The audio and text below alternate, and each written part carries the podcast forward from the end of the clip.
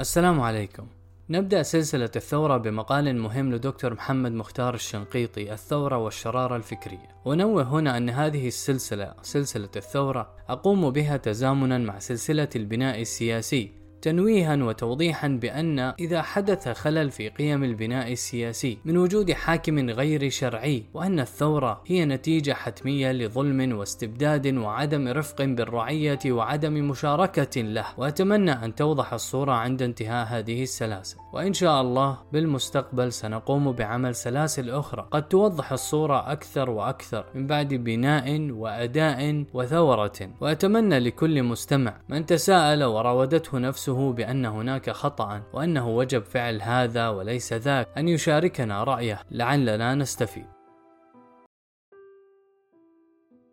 من أهم الظواهر في الثورات العظيمة التي غيرت وجه التاريخ البشري تلك الشرارة الفكرية الممهدة للثورة والمصاحبة لها في مسارها، فلا تكون ثورة ذات شأن من غير شرارة فكرية تشعلها في البداية ثم تكون دليلها في مسارها وأفقها إلى المستقبل. كانت أفكار الفيلسوف السياسي الإنجليزي جون لو هي الشرارة الفكرية للثورة الإنجليزية عام 1688 وحينما قرر لوك أن يقتحم أرضية جديدة في القيم السياسية وأن يقدم لبني وطنه مسارا لخروج من أزمتهم السياسية التي أنتجت حربا أهلية طاحنة لأكثر من أربعة عقود بدأ عمله بتجريد الاستبداد من الشرعية الدينية والتاريخية ثم صاغ القيم السياسية التي تحقق العدل والحرية. جعل لوك الرسالة الأولى من رسالتيه العظيمتين بعنوان في بعض المبادئ الفاسدة في الحكم فرد فيها ردا مفحما على معاصره روبرت فيلمر في قوله بنظرية التفويض الإلهي التي تجعل شرعية الملوك مستمدة من الخالق لا من الخلق. وبعد أن مهد لوك الأرض في رسالته الأولى بهدم الأساس الأخلاقي للاستبداد في ثقافة قومه قدم فكرة العقد الاجتماعي المبني على الحقوق في رسالته الثانية التي جعل عنوانها في نشأة الحكم المدني الصحيح ومداه وغايته.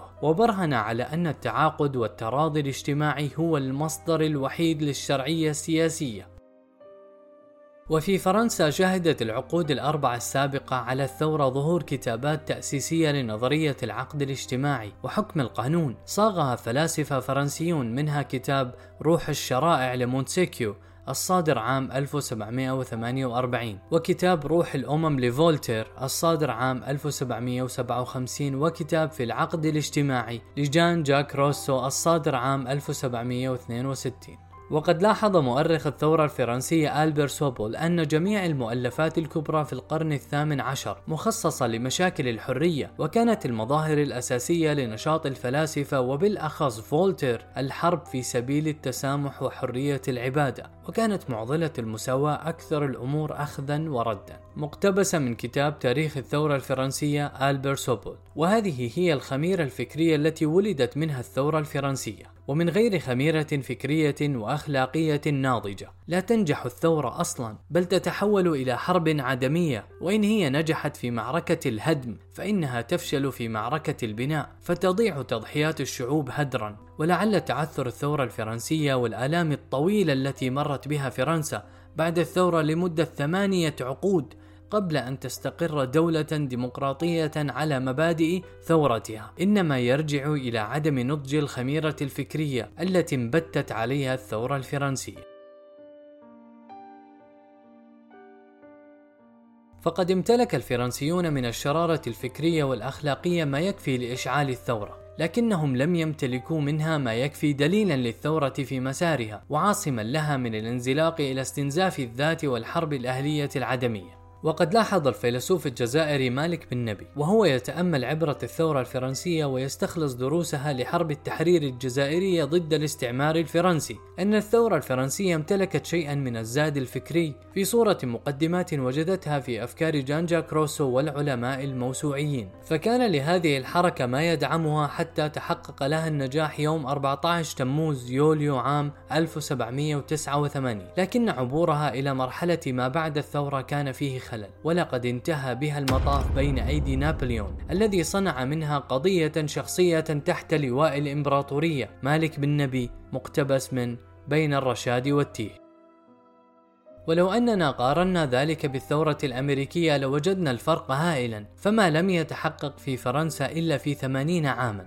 تحقق في أمريكا خلال ثمانية أعوام فقط من عمر الثورة الأمريكية والسبب هو أن قادة الثورة الأمريكية وأنهم حولوا الخميرة الفكرية التي ورثوها من فلاسفة السياسة الأوروبيين ومن عبرة تاريخ الجمهوريات اليونانية والرومانية إلى مبادئ عملية وصيغ إجرائية تجلت في وثيقة إعلان الاستقلال وفي الدستور الأمريكي.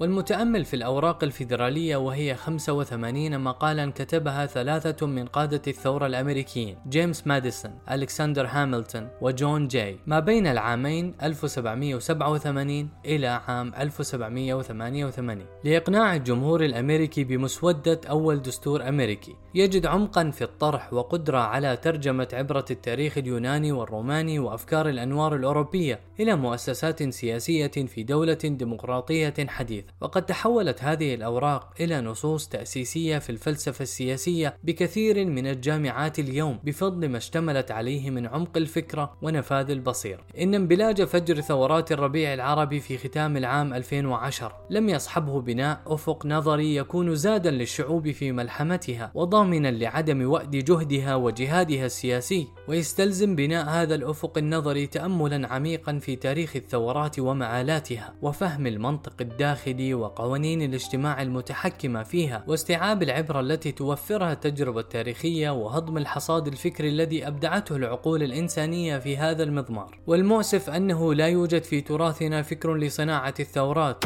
وإنما فقه للتحذير من الفتن ولذلك يتعين على أهل الرأي والقلم اليوم أن يسدوا هذه الثغرة وينيروا الدرب للسائرين على درب العدل والحرية.